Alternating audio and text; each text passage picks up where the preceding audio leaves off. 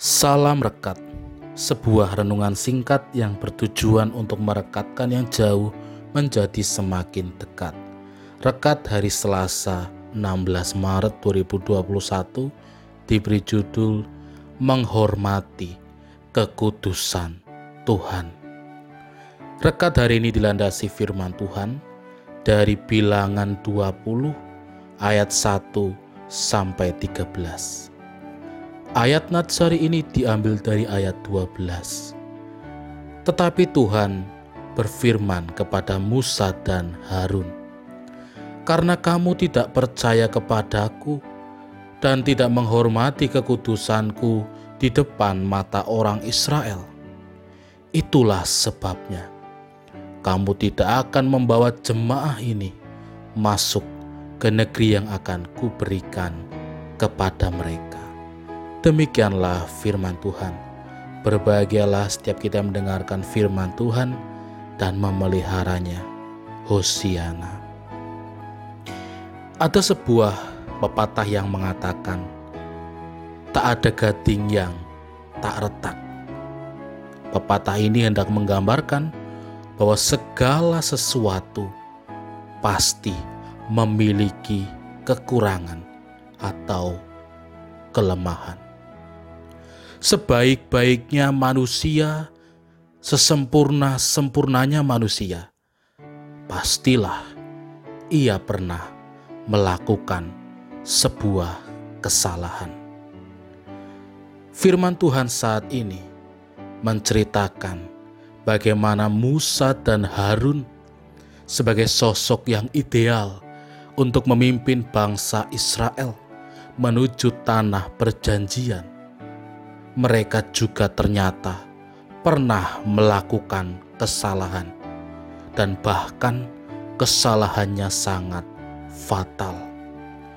Di saat bangsa Israel mulai merengek-rengek kembali karena mereka tidak mendapatkan air yang sesuai apa yang mereka harapkan, mereka datang kepada Musa dan Harun.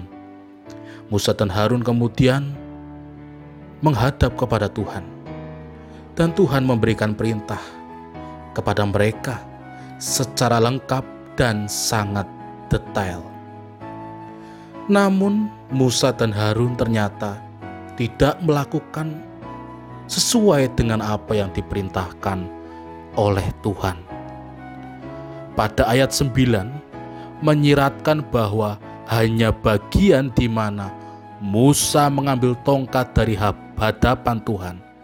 Inilah yang merupakan bagian yang ditaati oleh Musa. Lalu, apa saja kesalahan yang dilakukan oleh Musa sehingga Tuhan menghukum Musa dan Harun? Yang pertama adalah Musa dan Harun memurkai umat Israel dengan kata-kata yang kasar mereka menyebut orang Israel sebagai orang-orang durhaka.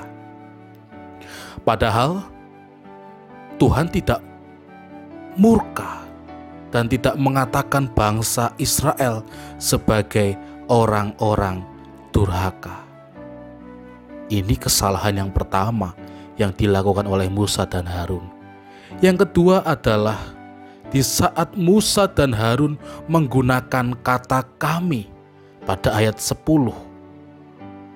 Ini hendak mengatakan bahwa mereka hendak menggiring pemikiran bangsa Israel bahwa keajaiban yang terjadi di situ karena mereka berdua, bukan karena kasih Tuhan.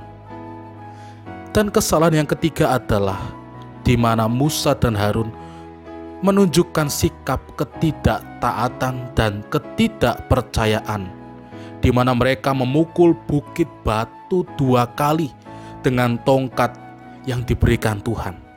Padahal Tuhan hanya meminta mereka untuk berbicara kepada bukit batu tersebut, bukan dengan cara memukul sebanyak dua kali. Yang keempat, mereka melakukan semua kesalahan ini di hadapan seluruh umat Israel. Hal inilah yang membuat Musa dan Harun tidak menghormati kekudusan Tuhan.